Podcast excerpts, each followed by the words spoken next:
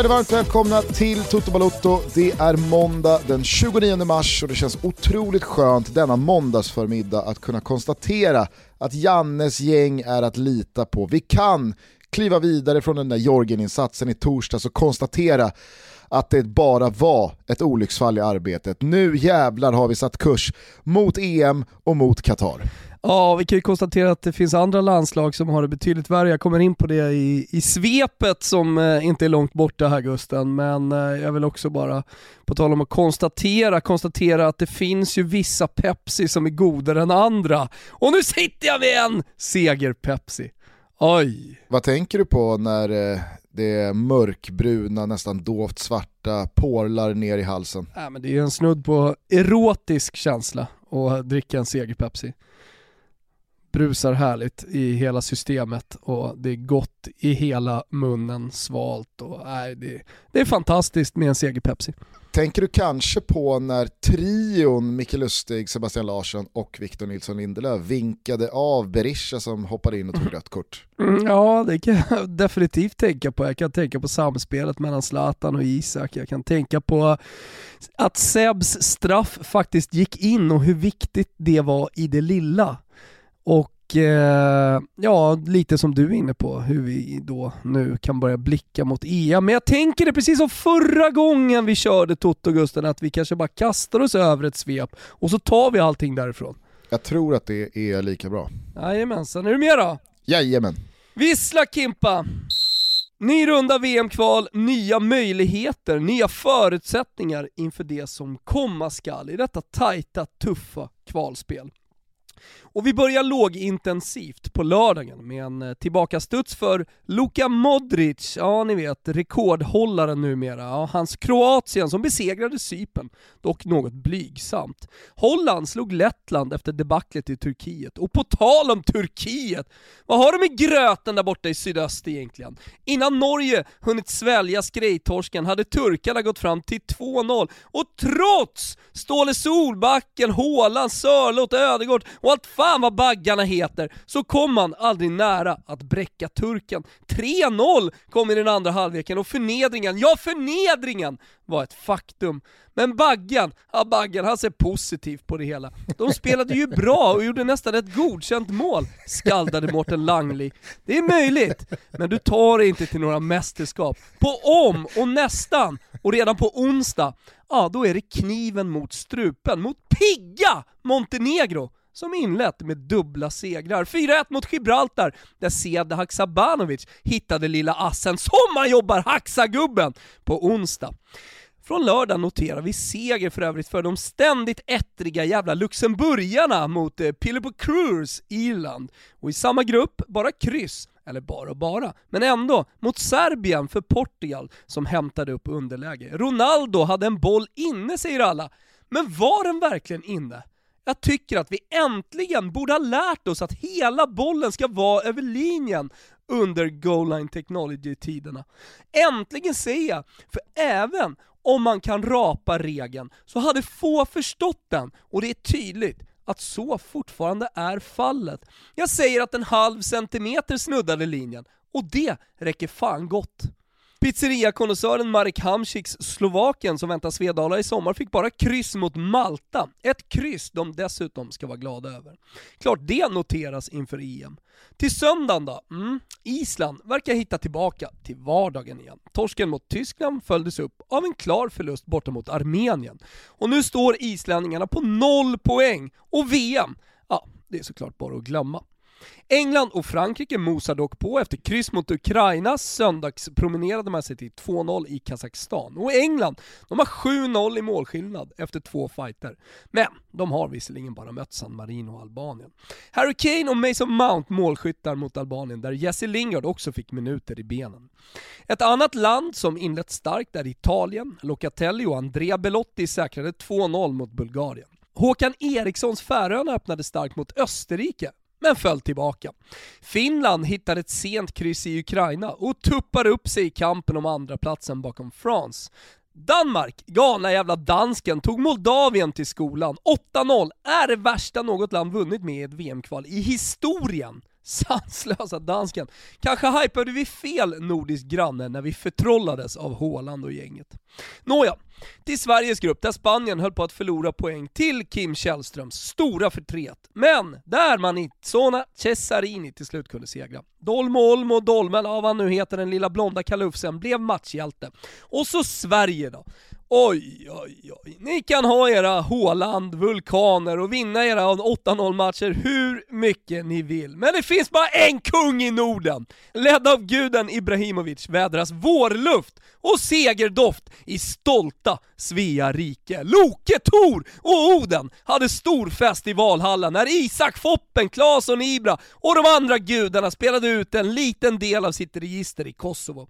Och eftersom eh, Georgien uppenbarligen var underskattade av precis samtliga och Sverige knappt hade träffat sina match, stiger den segens vikt. Och efter att ha sett gubbarna ha lekstuga nere i Balkan, kan man inte annat än att stolt, uppkäftigt och full av entusiasm lägga upp ribban på finalhöjd inför sommaren. Här finns fan inget att hålla tillbaka. Ah, hör ni mig? Jag drar den jävla växeln efter Kosovo borta, jag gör det bara. Jag drömmer mig till EM, jag säger final, jag säger kom då spanjacker, franskbaggar, italiani, tyskjävlar och eh, störportugiser va? Jag säger kom då! För här kommer Svea rike med hundratusen man!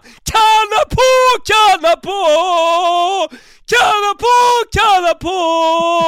Vi är från Svealand! Med hundratusen man! Här Gugge! Kanna på, kanna på!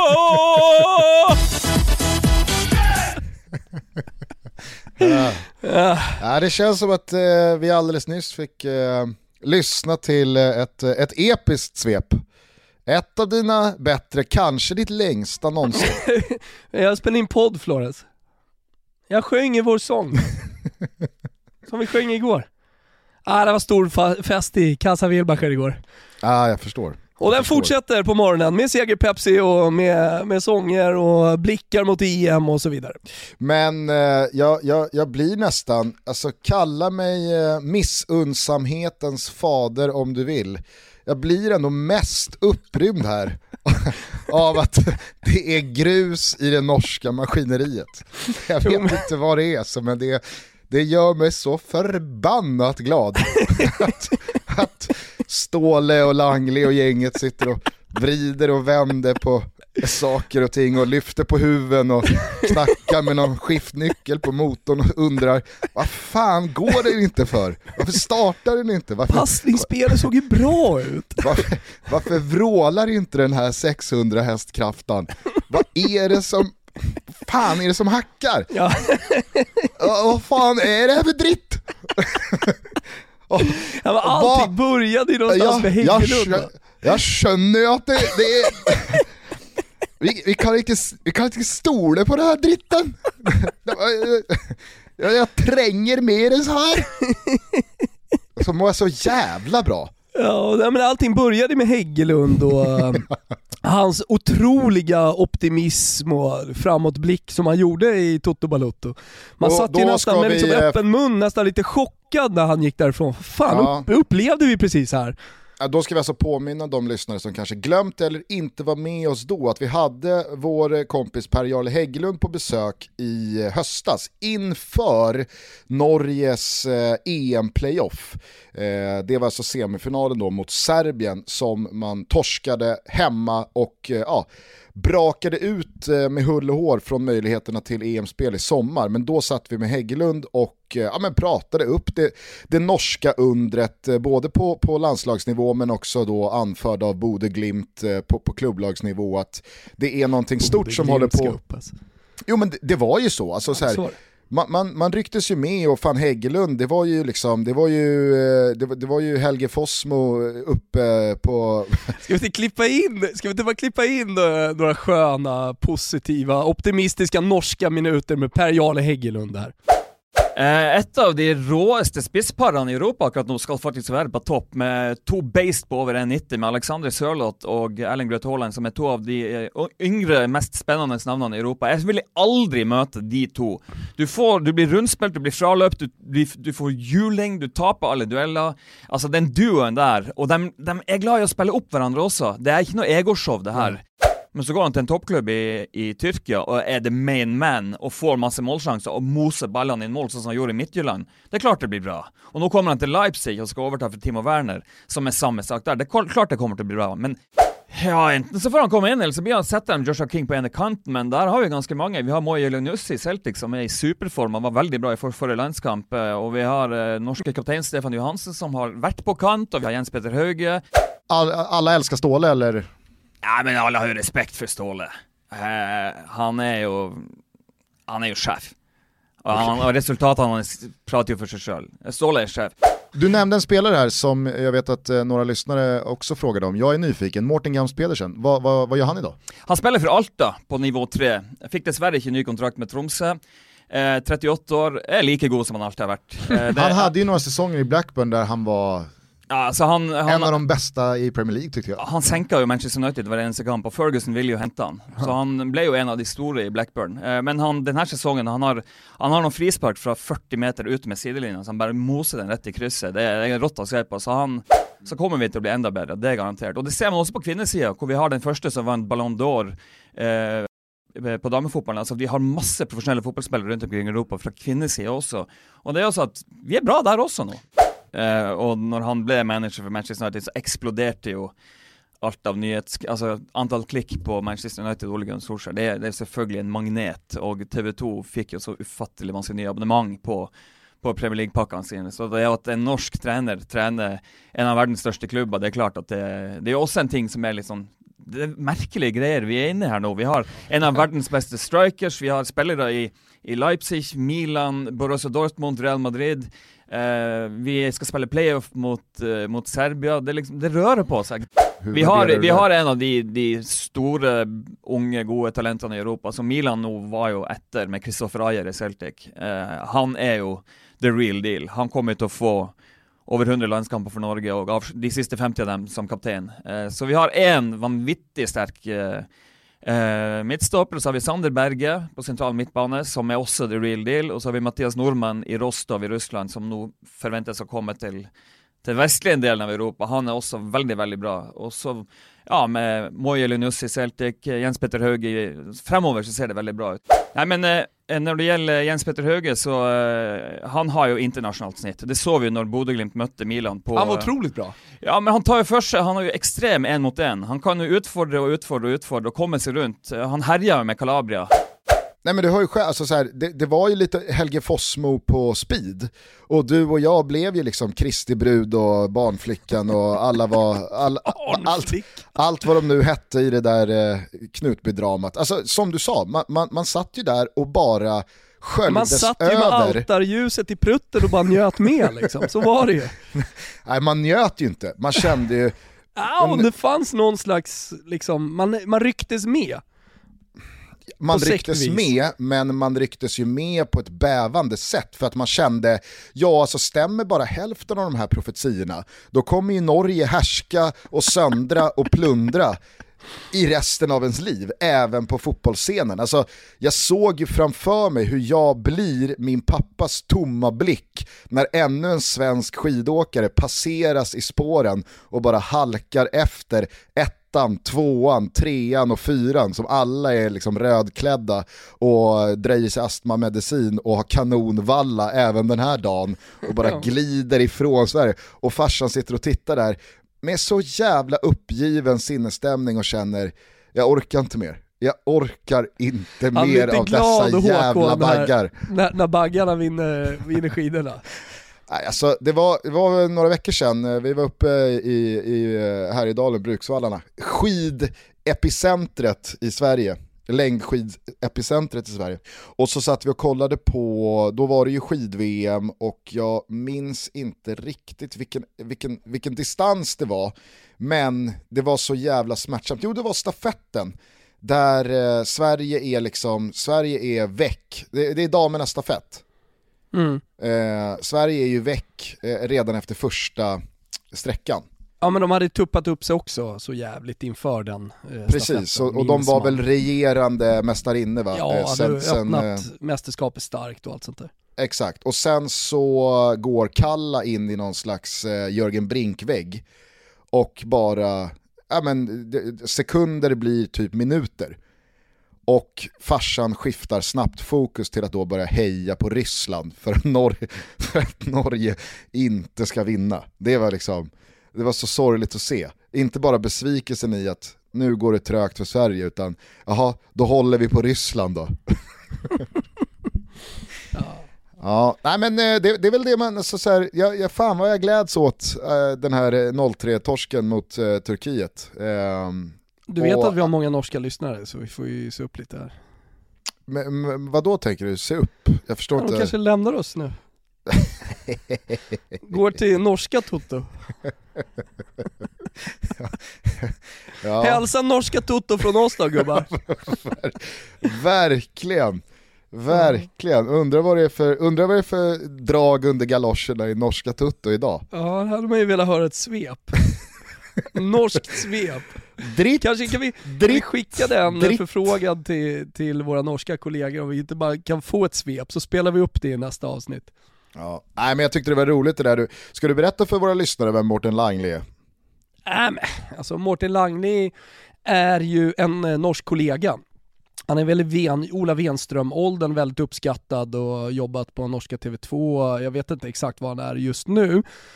Men eh, studioexpert och programledare och så vidare. Eh, han är ju dessutom eh, då eh, gemensam vän med Anders Ström eh, som, som är god vän till mig och, och där, är där, därigenom har våra vägar lite korsats. Så att, eh, extra Och han twittrade då igår ut att allt är inte bara mörkt. Det var ett bra spel som föranledde vårt Ja. bortdömda 2-1 mål. Ja, och så gjorde jag mig lite lustig över det och då, då svarade han, du jag såg matchen mot eh, Georgien.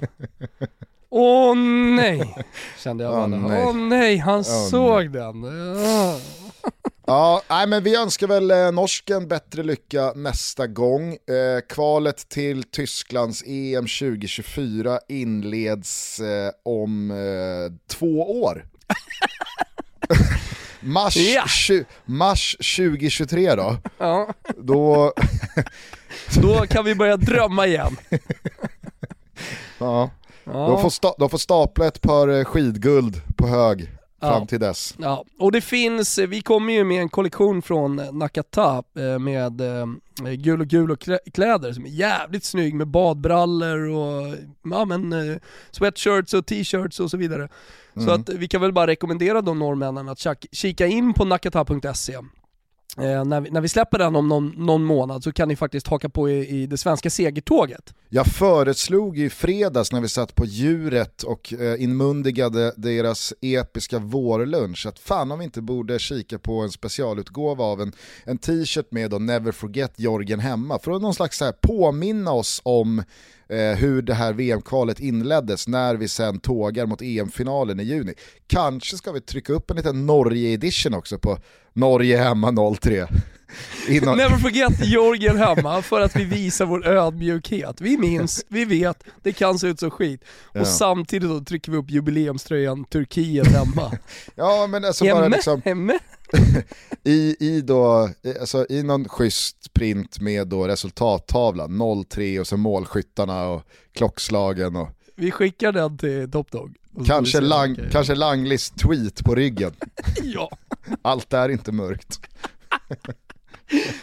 Ja. ja, det kan bli en episk tisha i, i såklart begränsad upplaga känner jag här. Men eh, jag tänkte bara säga det, när vi ändå har Nakata uppe. Det är nu 30% på allt Toto-merch borta på nakata.se. ja just det, herregud. Eh, ja men han flyttade ju hem nu från, han har bott i, i Hamburg eh, på reeperbahn, det har varit en ruskigt mörk tid för Top Dog Olof. Nu har vi äntligen fått hem honom och med sig tar han lagret.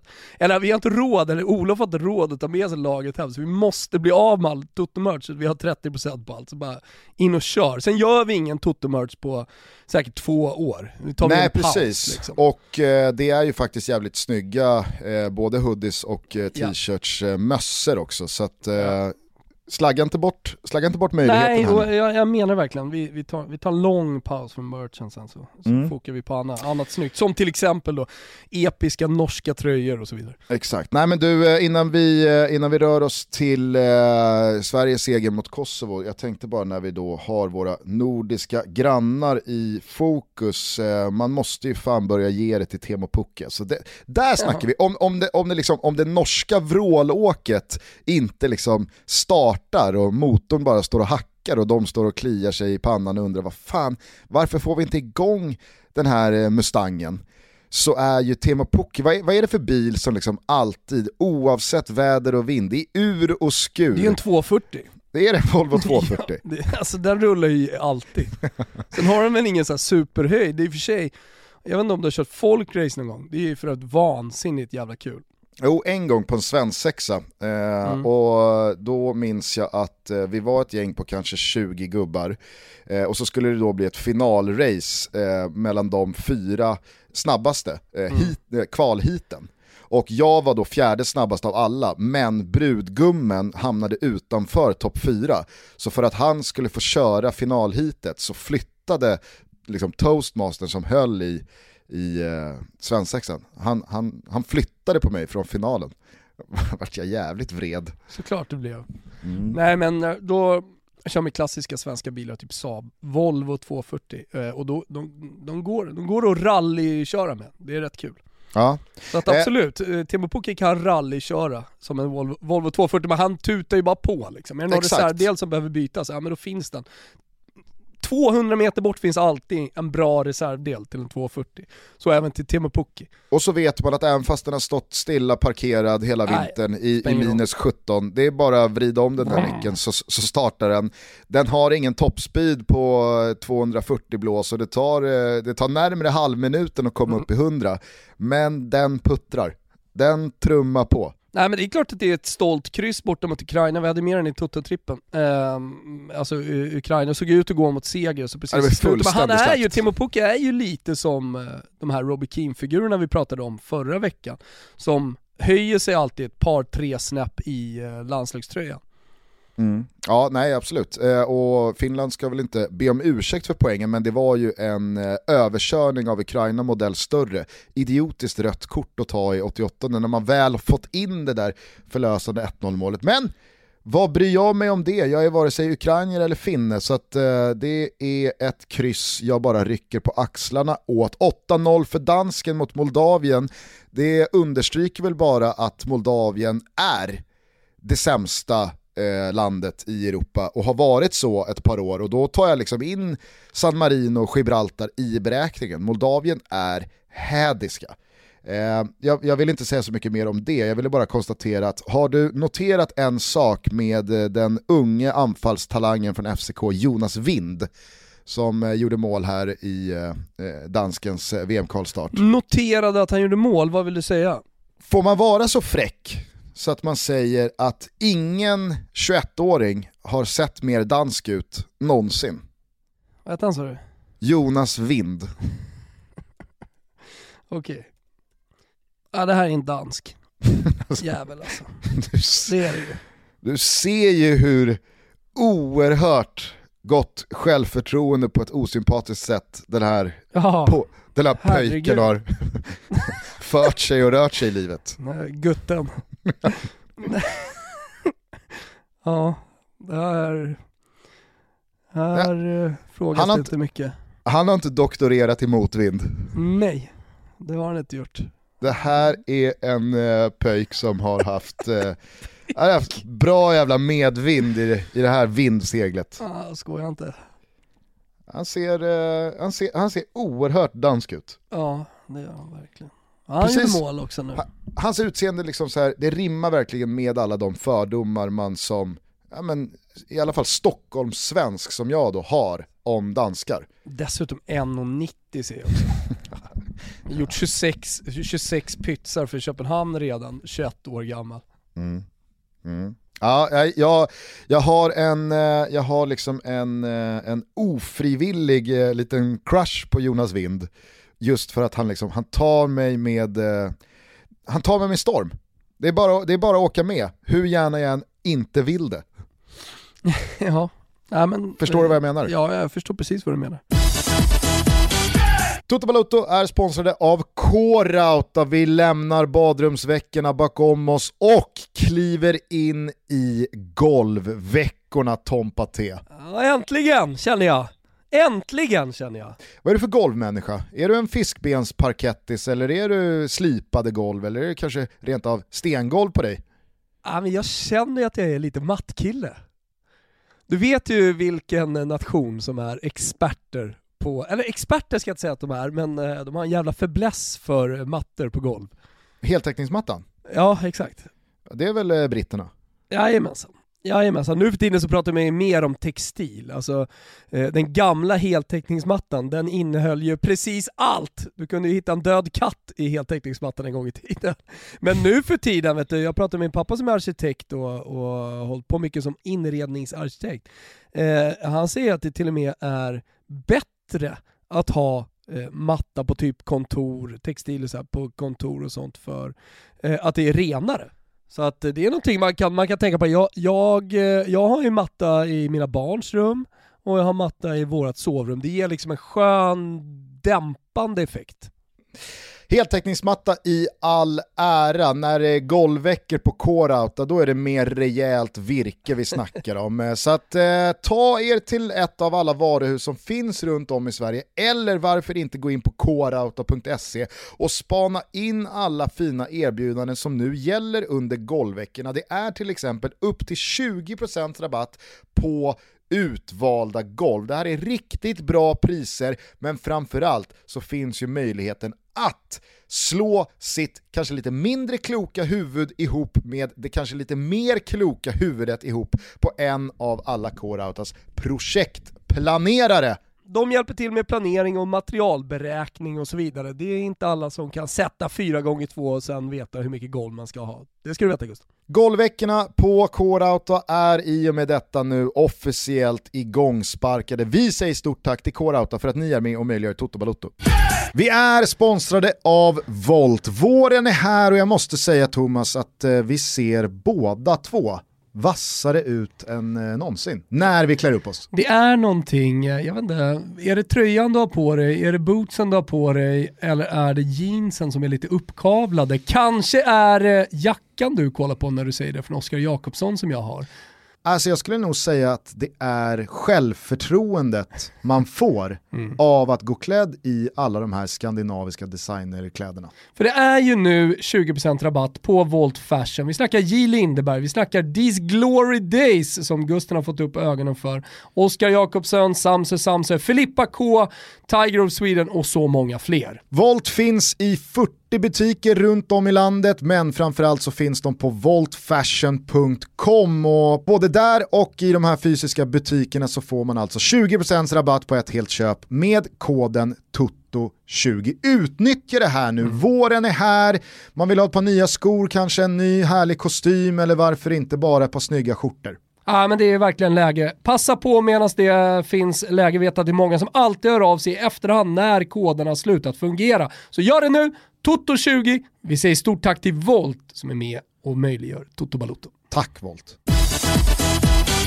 Ja, ja, eh, det om våra nordiska grannar. Du sa det bra i svepet om Island. Det är ju bara att konstatera att den där vulkanen har ju slocknat. Eh, oh ja. Så det bara sjunger om det. Eh, vi får väl se när Island dyker upp i ett mästerskap igen. Min känsla är att det kan dröja. Ja, nej men exakt. Nej, men det, är, det är ju tyvärr, tyvärr, men det är ju så med VM-kval. Att eh, det, det, man kan inte förlora mot Armenien borta, då är det kört liksom. Och speciellt kan man inte göra det om man heter Island och vinna resten, när, när de andra lagen är för nära rent eh, truppmässigt om man kollar på kvaliteten. Eh, det, det, det, är inte, det är inte Frankrike som kryssar mot Ukraina i första matchen som kan vinna resten och som förmodligen vinner resten också. Som kan promenadsegra borta mot Kazakstan trots att man har haft 1-1 då i, i premiären.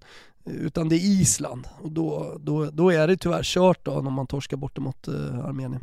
Och för alla er som har eh, fortsatt lite svårt att få ihop det här VM-kvalspelet så går det alltså till så att alla gruppettor, de går direkt till VM. Sen så finns det då tre platser till för Europa att få med sig och det avgörs då via att grupptvåorna tillsammans med Nations League-lag som då eh, spatserar in beroende på vilka som kvalificerar sig direkt och inte gör Exakt upp hur det om... går till behöver vi inte uh, vidröra va? Det vet ju ingen idag i och med att det där blir en fallande turordning beroende på vilka som då eventuellt nyper direktplatser till VM. Ja, ja.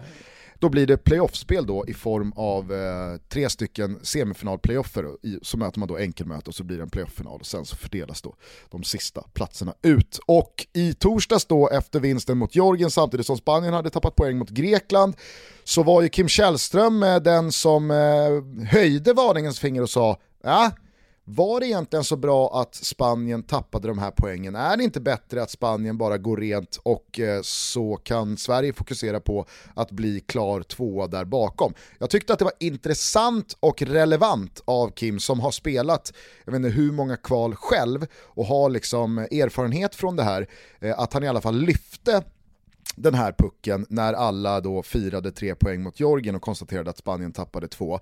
Jag var lite försiktigt optimistisk till Kim Källströms sätt att se på Spaniens poängtapp, men som du tog upp i svepet, efter Georgiens insats både mot Spanien i då skuggan av deras insats mot Sverige och det sena, sena segermålet som Dani Olmo trycker in, så känner man ju att nej, det här hade kunnat sluta på ett riktigt, riktigt bra sätt för svensk del om mm. Spanien hade tappat poäng igen. Ja, Då hade ju vägen legat öppen för första platsen i den här gruppen. Då hade Sverige direkt haft en fyra poängs marginal ner till Spanien och således haft råd att torska en match och fortfarande ha fler poäng än Spanien. Ja, nej, men verkligen.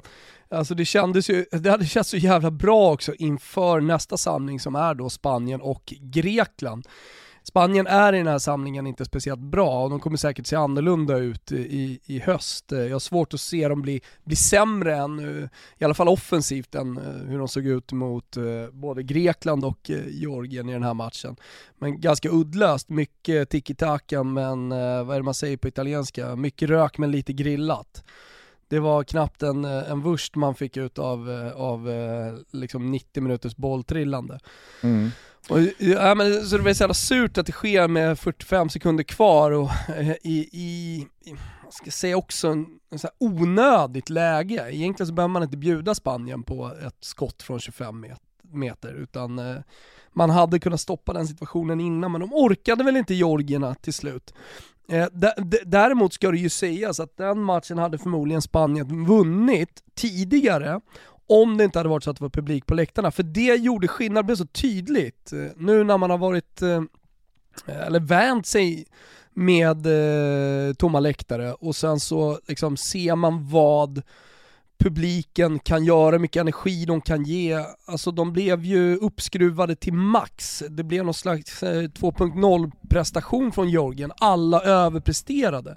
Mm. Jag menar nummer 18 där ute till vänster som spelar i Robin Kazan som jag inte kan uttala. Han var helt otrolig. Alltså han var ju planens bästa offensiva spelare så fort han fick bollen. Det var ju precis som mot Sverige. Så fort han fick bollen så, så kändes det som att det skulle bli målchans i den första halvleken.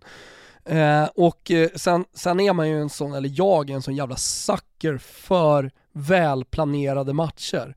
Och både den mot Sverige och den mot eh, Spanien var ju just välplanerad enligt shape-modellen. Liksom. Att hela tiden stå rätt, bryta vinklar och att styra Spanien dit man vill. Att inga målchanser ska komma Eh, från, från inspel på backen med rättvända spelare och så vidare. Alltså det, det, det, det är för mig en jävla fröjd att se en tränare som lyckas på så kort tid, för det har det pratats om jättemycket under den här tiden. Att vi har haft minsann så kort tid och allting kan inte klaffa och så vidare. Alltså allt klaffade för Jorgen, jag vet inte hur lång tid de har haft, om de har haft någon extra vecka eller, eller om de har haft videokonferenser eller vad det är. Men allt klaffade fan i försvarsspelet för, för Georgierna.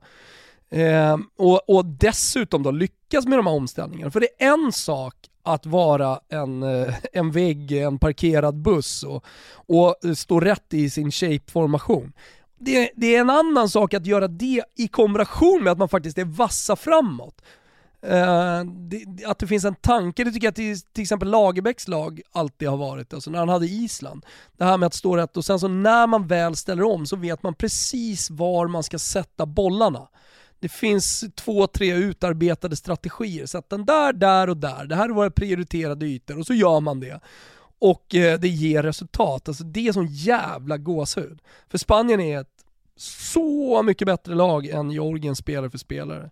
Men det, det, går att göra skillnad som tränare genom att taktiskt eh, lyckas, som man faktiskt gör. Absolut, sen så, sen så tycker jag att man kan, liksom, man kan ha två tankar i huvudet samtidigt. Jag tycker att Jorgens insats igår mot Spanien kastar ju såklart ett annat ljus på det svenska resultatet i torsdags, men det var ju inte en och det tror jag ingen kände, vare sig spelarna, Janne eller alla oss som tittade på, att det var Jorgen som var så jäkla bra och vi hade, liksom, vi hade problem att värja oss mot ett bättre motstånd. Utan det var ju Sverige som på egen kraft inte kom upp i nivå, man försökte med för svåra saker, man tog felaktiga beslut, man, man fick aldrig tag i matchen.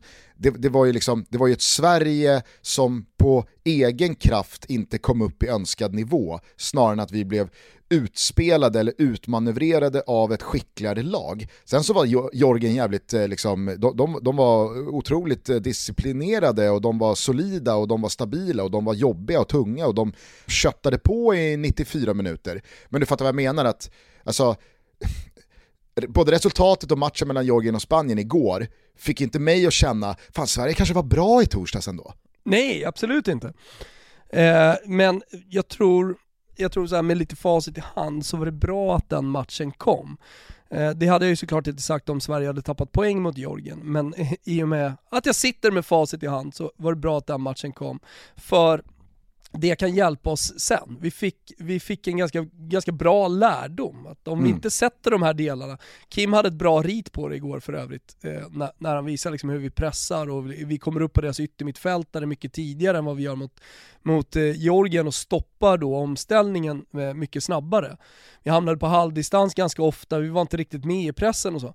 Eh, det tycker jag eh, att eh, är den stora lärdomen Sådär. För, för det, det, det, man, det, det jag tror alla kände, det jag vet du kände Gusten, det var ju, ja, okej om det ser ut så här mot Georgien, hur fan ska det då se ut mot bra nationer när vi möter Spanien? De kommer ju, de kommer ju slakta sönder oss.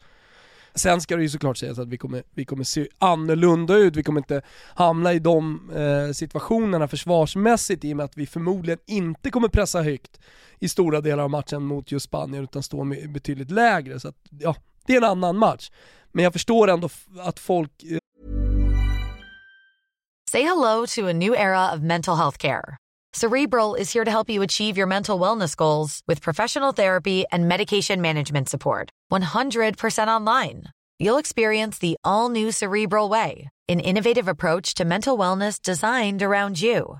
You'll get a personalized treatment plan from a therapist, prescriber, or both in a safe and judgment free space. Your cerebral therapist or prescriber will outline a customized plan with clear milestones along the way so you can get to feeling your best. With Cerebral, you're not alone in your mental health journey. We're here to empower you to live a fulfilling life. So take that first step towards a brighter future and sign up today at cerebral.com slash podcast and use code ACasts to get 15% off your first month. Offer only valid on monthly plans. Other exclusions may apply. Offer ends July 31st, 2024. See site for details. Jag kände rädsla inför, inför framtiden och inför EM om, om, det, om det då skulle se ut sådär mot Jorgen. Men jag tror också att det är lite påverkat av det här som har varit röd tråd genom hela Nations League under, under hösten och fram till matchen mot Georgien. Att vi har blivit ett bättre lag på att luckra upp lågt stående försvar. Att vi har blivit ett bättre spelande lag och att vi har världsspelare på alla offensiva positioner. Att det på något, något sätt också gav ett nytt svenskt landslag bara, eh, eh, bara det faktum att vi faktiskt har testat att spela på ett annat sätt och att vi är lite av ett annat landslag. Men att vi inte riktigt klarade av det mot, mot Georgien. Nej exakt, och känslan var ju efter den där Nations League-hösten när man inte fick med bästa laget tillgängligt spela mot ett sånt typ av motstånd att det var Sverige som skulle ha bollen i 60-70% av tiden. Kanske att, att vi, har glömt liksom det lite upp. också då? Nej men eh, alltså, det var det jag skulle komma till. Känslan var ju att det där kan vi, så att låt oss nu utveckla delarna av eget konstruktivt spel mot de allra bästa eh, nationerna. När det sen väl är dags att möta lag från pott 4-skålen eller det D-rankade eh, gängen, ja, då är det bara liksom slå an den sträng vi redan bemästrar, ta upp de där verktygen ur lådan och sen så luckrar vi upp dem precis som vi har gjort här nu i flera år under Janne. Och det var ju det Janne sa efter matchen igår, att nästan alla landskamper under hans tid som förbundskapten mot de här typen av motstånd, alltså betydligt lägre rankade nationer som Sverige ska vinna, har ju Sverige genomfört mer eller mindre prickfritt. Alltså det har ju inte varit en enda gång som Sverige har darrat på manschetten, tappat några poäng eller stått för liksom insatser som har känts äh, men, svajiga. Det, det, var väl någon i, i, eh, under, eh, under eh, första kvalet med Janne, men där vägde man ju upp det resultatmässigt mot de större nationerna, vilket gjorde, vilket gjorde att man liksom, alltså så här, den insatsen fick inte riktigt då fäste i någon slags kritikvåg, för att sammantaget så gjorde Sverige så pass bra ändå. Men sen dess har ju Sverige tagit de här uppgifterna på största allvar, det har varit fullt fokus och det har sett superstabilt. Man har inte varit orolig än, en enda minut av de här typerna av matcherna. Och sen så går det, alltså det är väl, vad kan det vara, ett och, ja, det är ett och ett halvt år sedan Sverige spelade en sån här typ av landskamp i och med att vi 2020 bara spelade tävlingslandskamper mot Portugal, Frankrike och Kroatien med vårt där och då bästa tillgängliga landslag. Så att, ja, det, det, det, kanske inte är så konstigt att, att, det, att det tog en match att hitta in i liksom, eh, tryggheten att kugghjulen skulle börja haka i varandra och att det är så här man manglar ner sämre motstånd. Jag pratade med Micke Lustig efter, efter matchen i torsdags, i fredags så, så snackade vi om det. Och där, eh, jag fick känslan av att han antydde lite samma sak, att det kan ha varit så att vi gick ut mot Jorgen och kände att det här kommer gå, alltså, det här kommer gå av sig själv. Zlatan är tillbaka, det här laget kommer vi slå med 4-0. Nu ska, alltså, nu ska vi bara liksom visa upp hur jävla bra vi är eh, offensivt och konstruktivt. Och så när det inte går på det sättet första 10-15 minuterna, då är det jävligt svårt. Det här har man ju sett och det borde man ha liksom, det borde man verkligen ha lärt sig efter så många matcher som man har tittat på som jag har gjort. Att när laget som är sån jävla på pappret överlägsen favorit och bara ska vinna en match kommer ut till en match och inte får den starten man vill ha och man, man märker direkt att det här motståndet är, de är taggade, de är här för att, de är här för att göra sitt livsmatch och springa lungorna ur bröstet och, och bara vara så jävla jobbiga de bara kan vara det är inte bara att trycka på en knapp. Det finns ingen strömbrytare som bara, ah men okej, då slår vi på, då slår vi på det, det ödmjuka, hårt jobbande, fullt fokuset och bara visa klassen. Då blir det att man, man, man, man jagar de där matcherna och så ja, vill det Slå mig när du säger det där, att det är ett jävla vapen det svenska landslaget har. Alltså att, att kunna ta till ödmjukheten, att kunna ta till eh, det hårda arbetet och att så här, ganska snabbt eh, jobba sig upp på hästen igen det är, det är inte alla landslag som har det. Alltså vi kan spela smutsigt. Alltså, ja, ja. Vi kan jobba oss igenom matcher och fulvinna. Mm. Nej men absolut, och därför är det som du säger, det man kanske snarare ska inse med några dagars perspektiv efter insatsen igår, efter Jorgens insats mot Spanien, det är ju att ja, fan, det, det, det, det, det är bättre än vad man kanske trodde där och då och i, i dagen efter att vinna en sån där match. Mm. Sen hade vi lite flax och det hade kunnat sluta på ett annat sätt. Men man vann matchen, man tog tre poäng trots att det var en sån här insats som inte var bra på något sätt. Um, ja, alltså, hur många gånger har man inte sett uh, de, de, de, de, största lagen från en, en liga gå in i ett kuppspel och sen så roterar man bort någon spelare, man tänker att det här går ju av sig självt, det kommer Precis. stå 3-0 i pausen, sen så kan vi bara tanka i andra halvlek. Och så, så springer man in i ett League 2-lag eller en eh, tredje divisionsgäng som är där för att nu, så, nu har vi chansen att göra årets och våra livsmatcher. Och så går det inte bara att trycka på den där strömbrytaren och växla upp efter 20 minuter när man märker att oj, det här laget, det är, det är inte bara att valsa över liksom. Nej, nej men precis. En sak som jag också tog med mig från igår var ju eh, Foppas intåg i, i det här laget, i den här startelvan. Ja, alltså låt oss prata lite om matchen igår. Va, va, du, du vill börja med Foppa här, men du kan, väl, du kan väl ta några punkter från igår som, du, som, du, som fastnade på dig? Mm, ja, absolut. Börja med, börja med Foppa då. Eh, om, om vi spelar med Claesson, Kansema, Kulusevski också, även om han ger lite det Foppa ger, eller skulle kunna göra men inte har samma erfarenhet som Foppa och inte samma självförtroende heller i det här laget att göra det. Så, så, tycker jag att den stora skillnaden är att vi får en till central offensiv mittfältare, kallar det för trekvartista. Jag skulle nästan säga att han är fantasista i det här laget. Han rör sig lite var han vill, Emil Forsberg, och för att kunna vara det måste du vara en jävligt intelligent spelare. Och du måste kunna spela med ett stort självförtroende och när du väl får bollen så måste någonting hända. Annars är du bara en eh, medioker ytter som eh, försöker vara någonting annat. Men i en sån här match, när det blir tufft på mittfältet och man kanske inte hittar alla ytor, då tycker jag att det gör så enorm skillnad att se honom bara få bollen. För även om han är felvänd så hittar han, eh, hittar han ytorna att vända upp hela tiden. Och eh, sen är det ju någonting med hans touch alltså som, som man kanske pratar lite för lite om. Så när, när han lägger fram den sådär perfekt till Alexander Isak, det är, det är ingen lätt boll att slå. Den kan tyckas se enkel ut men det, det, den, den, måste vara på millimetern för att den faktiskt ska, ska sitta och för att han ska få det perfekta läget som han får. Så att, eh, Foppen gav mig väldigt eh, mycket glädje igår. Eh, det, det, Sverige, blev, Sverige blev ett roligt lag att titta på med Emil Forsberg i laget. Är mm. du med på vad jag menar här? Liksom? Det, blev, det, det, är lite som när Brolin spelade i det svenska landslaget på 90-talet. När han inte spelade så var det inte riktigt lika roligt.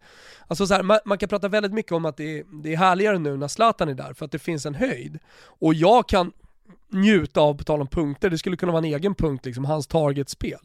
Igår så möter han ganska mediokra backar, vilket eh, såklart ja, leder till en situation där det är pojkar mot män, eller pojkar mot en man. Zlatan gör vad han vill, om han vill brösta ner en tarm, göra, göra ett medtag med bröstet eller bara spela ut den på ett eller nickskarva. Alltså han vinner ju allt. Mm. Eh, och det, det, det, är en, det är en tillfredsställelse i sig. Men, men jag tycker att det blir roligt att kolla på Sverige med Emil Forsberg-laget. Ja verkligen. Eh, Emil Forsberg är väl lite för Sverige vad, vad baggarna hoppas hoppas att Ödegård ska vara för Norge, men inte riktigt är än. ja, det är han ju definitivt inte. Det är kanske det han vill vara, det man önskar att han kommer bli, men, men eh, nej, så är det Mm, det jag skulle komma till i alla fall med Emil Forsberg, också en detalj som jag tycker pratas lite för lite om, det är ju alltså, hur, hur, hur jävla kvick han är. Han är, liksom, det, det, det kanske inte är den snabbaste sprinten över 80 meter, men han är jävligt kvick i steget och lätt på foten trots att han liksom inte har den riktiga kroppshållningen. Jävla AV alltså, kan sätta iväg två steg i sidled direkt från start. Så till skillnad då från Pucke i 240 så går det ganska snabbt för Emil Forsberg att hitta ja, mer eller mindre maxfart och jag tycker man ofta ser det när försvarare kliver in i clinch med Emil Forsberg, att de tror att nu har jag honom, men så tar han ett och ett halvt steg snett åt vänster och så hinner han förbi det där eh, benet med bollen och tar sig ur en sån trång situation. Han är, han är, han är jävla kvickfotad alltså. Och det, eh, mot just sådana här typer av motstånd så är ju det en sån här detalj som jag tror det inte går att nog eh, överskatta. För det, det är det som slår ut eh, spelare, det är det som tar sig... Alltså, när man, när man på en sån här dålig, ganska tjock matta där det studsar och hoppar och far och det är ganska tacksamt för motståndarna att jobba rättvända och bara komma upp i rygg. När spelare bryter sig loss med bollen själv och de kan transportera in den i nästa zon, i nästa yta och skaffa sig alternativen därifrån, då, då, då blir det bra. Det gör ju Emil Forsberg flera gånger igår. Dessutom så tycker jag att han har en, jag vet inte om du noterade den korta sekvensen, det var verkligen så här en, en, en, en icke-situation, men Zlatan och Emil Forsberg byter boll med varandra sex gånger i mitten, slutet av första halvlek. Ja. På det där sättet som två spelare i ett lag som, jag vet inte, jag vill i alla fall tro att det finns en större symbolik än vad andra kanske gör i ett sån grej. För att det är nästan som att de liksom, jag vet inte, de, de, de visar upp sin respekt för varandra, förstår du vad jag menar? Mm. Jag förstår precis du ser, ju, du ser inte Emil Forsberg byta boll sådär nej. med Sebastian Larsson sex gånger på mittplan. Nej. Ta den du, ja men ta den du, ja men ta den du, ta den du. Och sen så för, för att göra ett sånt uh, bollskifte upprepade gånger så, så måste du ju vara en speciell lirare. Du kan inte vara medioker och, och hålla på sådär. Man ser ju, det är ju Barcelona-stuket sådär. Manchester Så där City. höll ju, exakt, så där höll ju Iniesta, Xavi och Messi på. Ja, exakt. Och backar vi bandet fem år så, alltså mig veteligen så hann man egentligen bara, för att Emil Forsberg kom upp liksom, han började ju kliva in i den nivå han sedan dess har befunnit sig på inför EM 16. De har ju en match tillsammans på Friends, Emil Forsberg och Zlatan mot Wales tror jag, genrepet inför EM 16 där man kände att det här kan bli bra. Mm. Zlatan, Zlatan är en spelare som verkligen kan profitera på Emil Forsbergs teknik, fart, vision och eh, uppfinningsrikedom i kombinationsspel. Sen så blev det ju pannkaka för alla Eh, i gruppspelet i EM16, knappt ett skott på mål och uttåg redan tre matcher senare. Och sen tackade Zlatan för sig och så fick man liksom aldrig riktigt veta vad det hade kunnat bli mellan Emil Forsberg och Zlatan. Men nu förhoppningsvis så får vi möjligheten att, ja, att, att få ett svar på vad den här liksom, duon kan uträtta. Mm. För de som blir lite oroliga och undrar ja, hur, bli, hur, hur står sig Zlatan mot bättre motstånd och som kanske har missat eh, de italienska matcherna så kan jag ju bara meddela att det ser likadant ut i Milan och alldeles oavsett vilka de möter. Och det är ju den stora förvandlingen. Det är ju det, är ju det stora steget. Han har alltid varit en bra targetspelare men det är det stora steget han har tagit i sin fotboll. Eh, han har insett, och det säger han ju själv också, att han inte kan eh, vara lika rapp och bra. Och det ser man ju inte minst när han hamnar i en mot en lägen. Han försöker ju inte ens längre, han söker ju alltid passning.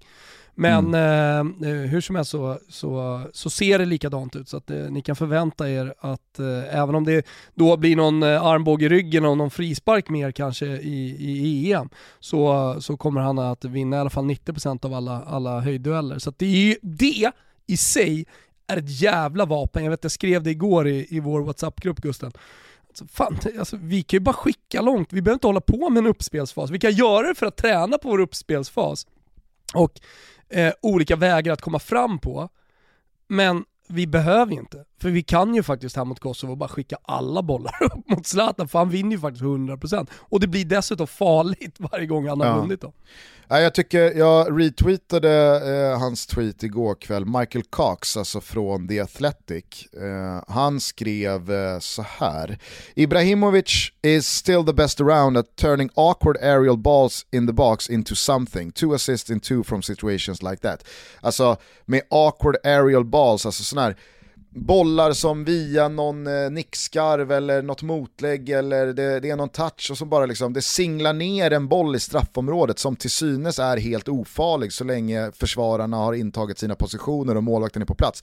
Så kan Zlatan med en klack, med en vrickning, med en nedtagning, med ett volleyskott, med någonting. Han bara, han bara vispar till med något jävla trollspö och så blir en sån till synes helt ofarlig situation ett avslut på mål eller en perfekt passning eller någonting som öppnar upp hela boxen och så finns det ett skott utifrån.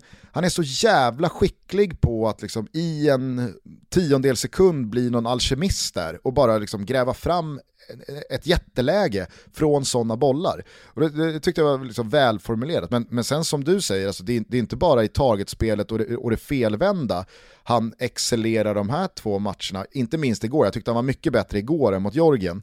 Eh, men för att liksom fylla på med det som han har gjort bra i Serie A den här säsongen, så är det också de direkt direkta liksom duellerna där han ska komma till avslut som han har utvecklats något enormt. Han tar ju Koulibaly till skolan så det bara sjunger om det när Milan borta slår Napoli i höstas. Eh, I derbyt här senast mot eh, Inter så har ju De Vrij och Skriniar, och det, det, det är inga små killar, Nej. alltså de har ju oerhörda På problem med att Skriniar ska sägas också. De Ja. bra i år. de har ju oerhörda problem med att tygla Zlatan där i början av andra halvlek där han, alltså det är som att bollen som en magnet hittar Zlatan i 10 minuter för att han har bara bestämt sig att nu ska, nu ska det där jävla skinnet in i lökpåsen. Eh, så att han, han är ju så oerhört tung i även det direkta duellspelet, inte bara felvänd i uppspelsfasen. Och för alla som kanske inte är så bevandrade i fotbollsutveckling och ungdomsfotboll och vad man gör i akademier och så vidare, eh, så kan jag ju säga att det är bland det svåraste man faktiskt kan lära en fotbollsspelare. Just det felvända spelet och det felvända höga spelet. För du kan träna på tekniker och så vidare, men du måste hamna i matchsituationer för att det ska bli på riktigt. Många andra situationer kan du skapa eh, på en träningsplan, men det felvända luftspelet, det kan du inte skapa för att du, du, får, du får inte det tuffa i ryggen, du får inte eh, tjuvknepen, du får inte de små dragen i tröjan på samma sätt som du får eh, under en match. Och de situationerna uppstår inte speciellt ofta på träning heller i, i spelmomenten. Vilk, eh, I och med att man hela tiden tränar på eh, att spela på backe som alla vet, eh, och det gör man även numera i, i de nordiska länderna. Så, så att, ja, du får inte speciellt många situationer under ett år på att träna på det, det felvända eh, höga spelet. Men det gör det ännu mer då imponerande att bli världsbäst på det. Det är inte så jävla dumt att bli världsbäst på det, man kommer jävligt långt på det. För det blir, man lär sig också en timing i eh, att ta emot de här bollarna eh, som man kan utnyttja sen i avslutsfasen. Eh, och vilket, vilket Zlatan såklart eh, också gör och är en av de bästa. Minns bara för liksom, PSG-tiden. Inte ens då var han så här bra på huvudet och eh, i, i boxen på höga bollar. Som, eh, alltså, han har aldrig varit så här bra i boxen på höga bollar. Nej. Eh, du, eh, jag, jag, jag, tänker bara lite så här vän av ordning, du tog ju upp i svepet eh, huruvida Portugals 3-2 mål var över linjen eller inte. Eh, jag noterade bara i Pavlidis headline-svep i morse att eh, domaren i alla fall hade bett om ursäkt offentligt då till eh, Portugal att eh, det blev fel. Men jag är ju lite i din ringhörn här. Jag är inte säker på att den där bollen är över med de sista millimetrarna.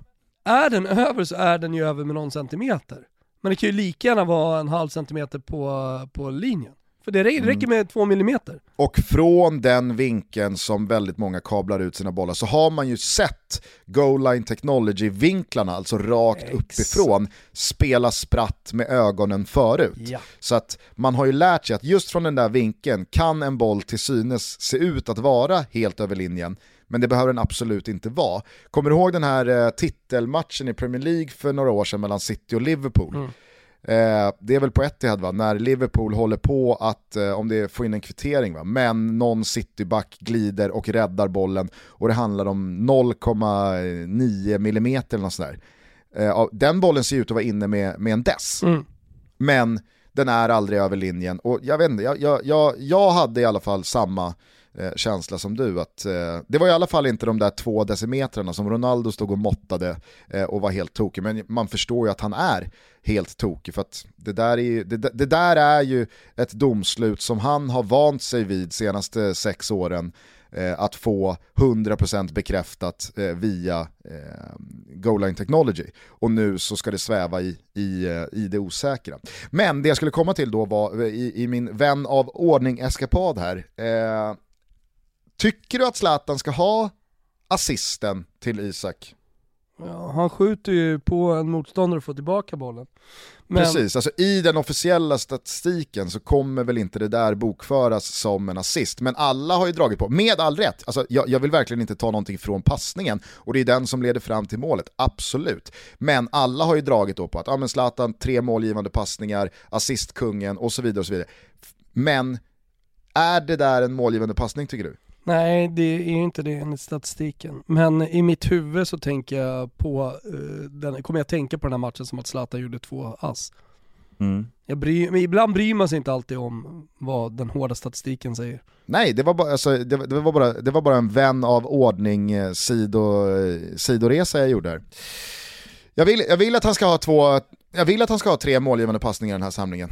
Men det är någonting som skaver, jag är för FPL-skadad. Vet du, vet du vad det bästa med livet är Gusten? Att om du vill Nej. ha det, då har du det. Det är så. Det är så enkelt med livet. Tillbaka till punkterna då. Nej men det är, det är såklart lätt att, eh, eh, att ryckas med i Alexander Isak och det gör jag också. Du pratade om eh, Foppas eh, explosivitet och driv med bollen. Well, Du har också eh, Alexander Isak, driv med bollen, hårt arbetande. Och så mycket som han ville i den här matchen, det gula kortet, det nästan röda kortet. Alltså det är ju, eh, eh det, det, för mig är ju, man, man, kan säga så här, ja det var, det var, inte speciellt rutinerat gjort av honom, han borde ha hållit, eh, hållit inne det där och han borde bara ställt sig på rätt sida och så vidare. Fast samtidigt så visar det ju där kanske mer än någonting annat i de här två matcherna hur, vi, hur, hur, hur stor konkurrensen är och hur, viktigt det är att ta chansen när man väl får den.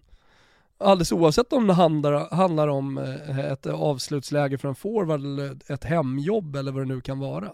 Och att det verkar då råda någon slags sund konkurrenssituation eh, i gruppen som pushar alla att hela tiden då prestera max. Jag kan tänka mig att det smäller en del på träningarna också.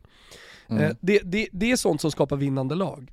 Eh, den typen av eh, miljöer. Jag tycker, jag tycker du landar eh, i exakt samma bassäng som jag gjorde igår kväll när Isak tog de här löpningarna igen. Att fan, det här är så ett jävla resultat av en sund konkurrenssituation.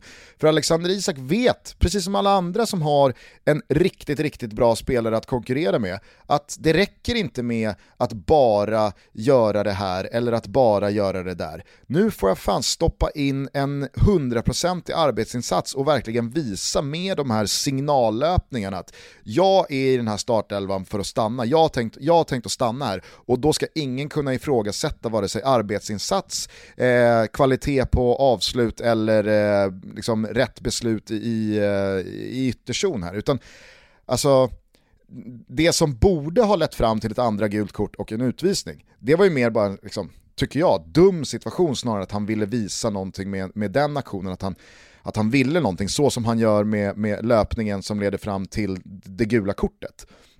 Men just de där just de där löpningarna, just den eh, arbetsinsats han lägger ner både här och mot Jorgen är som du säger, direkt resultat av att det finns en helt annan konkurrenssituation än vad eh, fallet har varit senaste åren. Ja, och om det är någon som går från de här matcherna med ett stärkt kort eh, för att ta en startplats i, i, i EM så är det definitivt Alexander Isak. Seb Larsson kommer inte ta Albin Ekdals plats. Eh, jag tror eh, inte att eh, det är något snack längre heller om ytterpositionerna utan det är Claesson till höger och det är Foppa till vänster och sen så har vi jävligt duktiga inhoppare så att det kommer finnas speltid för Kulusevski och, och gubbarna också. Men, men, men Alexander Isak, han har ju verkligen tagit upp kampen här nu med, med Marcus Berg. Och det är ju tack vare prestationen, framförallt då mot, eh, mot Kosovo. Och att Zlatan också efter matchen säger, pratar om det, jag tror att det har jävligt stor betydelse också. Att man pratar om det här. Och att det har varit en grej, liksom, samspelet mellan Zlatan Funkade inte riktigt mot Georgien. Men titta! Det funkade mot, eh, mot Kosovo. Så det där tar Janne med sig. Som mm. han tar med sig det. Att, eh, det, det, det, det, är, väl Helander då eventuellt som, som har tagit någon slags, eh, eh, liksom, eh, någon slags position eh, i och med att det ser ut som det gör. Jag vet inte, jag har inte lyssnat på Olof Lunds snack med, med Ponne än, men, men han startar ju med Brentford nu. Mm. Eh, så att, jag menar så, han är ju han är ju fullt i spel och han har två månader på sig att komma i, i riktigt bra slag inför EM. Så jag, jag, har, jag har väldigt svårt att se att någon tar hans plats. Jag tror, eh, jag, jag tror dock inte att Filip Helander eh, jag tror inte han startar EM-premiären. Nej men jag säger att han har stärkt ett, sina kort lite grann. Absolut, aktien är ju starkare, men som jag var inne på i senaste avsnittet, jag tror att eh, Janne är ganska smart i att plussa eh, Filip Helander efter de här två matcherna. Eh, för att det, det, det finns ingen anledning till att inte göra det, men jag tycker samtidigt inte insatserna matchar de hyllningar jag har sett eh, och hört till eh, från både både internt och externt håll de här dagarna. Jag tycker Filip Helander, eh, han är bra. I synnerhet igår i första halvlek så har han ett par riktigt bra där han kliver upp och ställer eh, Morici och någon till offside och visar liksom verkligen ett påkopplat Herregud vad dålig han är positions... Då är det väl ändå hans bästa match den här säsongen han gör igår. Ja, han har varit så klappkass i Lazio. Exakt. Han har en avslut där med vänstern. Mm. Kommer du ihåg det nu, vilket jag pratade om igår? Ja men alltså, som man sätter högt där, det är Ja. när han blir av, av Högt eh, och snett och vint och fan Ja. man sätter det. Det är ju när han blir avvinkad då för offside, just Ingen för att träff. Filip Helander, eh, just för att Filip Helander håller en jävla bra position och vet exakt i vilket läge han ska kliva upp. Så det tyckte jag var jättebra. Sen hade ju Filip Helander kunnat varit eh, utburen på bår och ha glömt eh, sin uppväxt redan efter två-tre minuter när Morici skulle liksom ge tillbaka efter smällen Helander delar ut redan i första minuten. Ja men det är Ja. jätterött. Absolut. Och sen Absolut. är jag, jag, är, jag är ju verkligen en förespråkare för att eh, armbågar inte alltid ska vara kort, utan att en armbåge faktiskt eh, ibland eh, inte är någonting beroende på vilken längdskillnad det är på spelare och så vidare, hur man går in i situationen. Så här, man, kan, man kan liksom inte kapa den. Sen är jag ju fullt medveten när jag ställer mig den ringhörnan om att man faktiskt är ansvarig för sina egna kroppsdelar. Men, men liksom ansvarig för sina egna kroppsdelar, ja, alltså hoppa upp med armbågen där. Vet du vem som gjorde det? Hela tiden. Och som fick eh, smaka kort. Eh, Pavoletti. Snacka om väl Martin ut- Dahlin Gustav. Jaha, okej. Ja men Pavoletti, ha- han har väl typ fått tio röda kort för sådana där armbågar. Ja, men han, han är ju också extremt jävla lång, Pavoletti, så honom har jag ändå lite medkänsla eh, för. Så här. Men, eh, men eh, Martin, Martin Dahlin var ju uppe där med armbågarna hela tiden, precis på samma sätt som, som eh, Morici igår. Ja. Jätterött är det.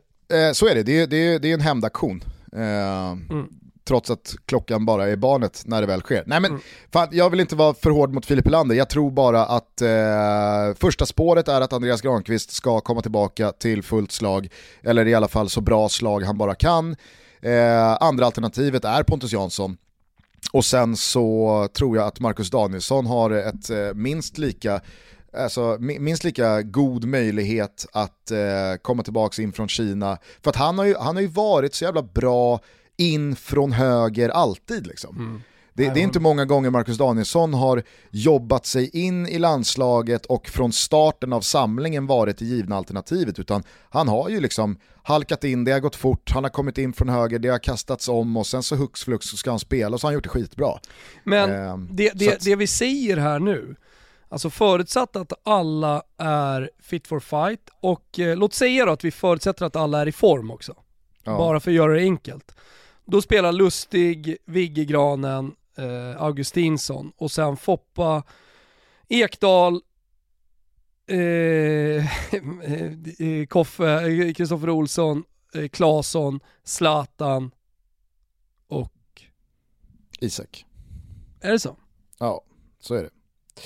Och det var jävla synd alltså att man inte fick se någonting av eh, Albin Ekdal och Kristoffer Olsson den här samlingen tillsammans. Mm. Så, att man, så att man fick känna den här liksom, ja men där funkar det i alla fall. För att jag, Mm. jag, så, jag, jag, jag vet inte vad du säger, men jag, jag, jag blev inte övertygad av den centrala mittfältsinsatsen igår heller. Nej, det blir man ju inte. Eh, sen eh, är det ju något bolltapp som man kommer ihåg från AIK för Kristoffer Olssons del som man definitivt inte får göra mot bättre motstånd. Då kan det straffa sig och straffa sig jävligt hårt. Eh, men, men det är som du säger, det finns inte riktigt den där tryggheten och samspeltheten och det är väl inte så jävla konstigt. Mellan Nej, och jag- Seb och och, jag- och Kristoffer Olsson, men, men jag håller med dig. Jag, jag, jag hade gärna sett eh, Albin Ekdal eh, från start i, igår. Exakt, Nej, men för jag tycker verkligen... Men å andra sidan så vet vi att det funkar. Så kanske inte behöver se så jävla mycket. Nej, det man är orolig för dock är vad, vad händer om Kristoffer Olsson fortsätter sitta kvist hela våren ut här i Krasnodar och eller att Albin nu har slagit upp någon skada som han ska brottas med och som eventuellt kan då återkomma lite senare och så går han sönder. Är det då Sebastian Larsson och Kristoffer Olsson som är inne i mittfältsparet, de här två matcherna att döma utifrån så, så är inte det kanske den bästa lösningen. Eh, och, och, och, Vi är inte bäst i världen där, vi är inte bäst i Europa där. Nej, och så finns det de som, ja men vad fan vi har ju, vi har ju Svanberg och in med Jens Kajust, ja fast Men de kommer inte spela. nej, man, man skickar ju inte in dem i ett sånt läge utan att ha på fötterna om att det här funkar bra eller att det här är rätt tid att helt kasta om given och, och, och starta med en sån spelare på ett inne mitt fält i en svensk EM-premiär. Nej, men jag, vill, jag, vill, jag, alltså jag tror att jag bara vill landa i det där Kim Källström så jävla bra sa i, i torsdags kväll att Albin Ekdal gör Kristoffer Olsson mycket bättre och Kristoffer Olsson är den perfekta spelaren för Albin Ekdal att ha bredvid sig och framför sig. Med Seb alltså Sebastian Larsson och Kristoffer Olsson, de, de, de, mm. de, hittar inte riktigt ja, varandra. Det, må, det, måste vi ta med oss faktiskt. Ja. Det måste vi ta med oss. Att eh, liksom skada på centralt mittfält, det, det, det, kommer skada Sverige ganska hårt. Eh, vi hoppas således att eh, Albins eh, lårmuskulatur eh, visar styrka här nu. Absolut, men det kommer han göra, herregud. Han har gått tuffare fighter än mot ett lår tidigare inför mästerskap inte minst. Det är sekt virke i den där Brommabjörken. Åh, skoja inte. Skoja inte. Är det någonting annat som du vill eh, lyfta här så här eh, dagen efter 3-0 i Kosovo och 6 poäng på det svenska VM-kvalkontot? Nej, nej. Eh, det är det väl egentligen inte förutom att jag bara noterade att Zlatan har sjungit klart för det här året. Det har varit San Remo, han har ju sjungit Broder Jakob också på italiensk TV. Yeah. Och sen som någon slags avslutning på hela det här sångspektaklet från Zlatans del så sjöng han också den svenska nationalsången. Det var slut igår. Ja, det kändes lite som att han glömde texten. Han eh, var inte riktigt med där från start och han kanske kände det själv. Ja fan, nu, nu har jag sjungit nog. Nu har jag stått på en scen, jag har varit i tv, jag har stått med lagkamraterna och sjungit. Nu får det vara slut. Nu får det vara slut. Hörni, missa inte Montenegro mot Norge imorgon 2045. Ni vet ju att ni ser all VM-kvalfotboll på Simors kanaler och nu så känns det här som en av de mest intressanta matcherna på, ah, kanske inte år och dagar, det är att ta i. Men det var länge sedan jag eh, gick in i en landskamp så peppad på att jobba bort ett lag som mm. jag kommer vara imorgon 2045. Mm. Och eh, ni som inte riktigt då har koll på Montenegro så är det ju Stefan Jovetic landslag ihop då med Haksabanovic. Eh, Djurdjevic, Sassuolo-spelare, en otroligt fin spelare. Alltså det här är inte ett lag man bara avfärdar, det kan jag lova dig.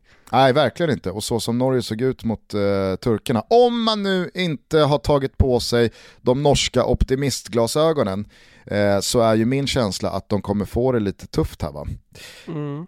Så det blir kul. Och stukat självförtroende också, så att det blir ju också någon slags karaktärsprövning här nu för Norge.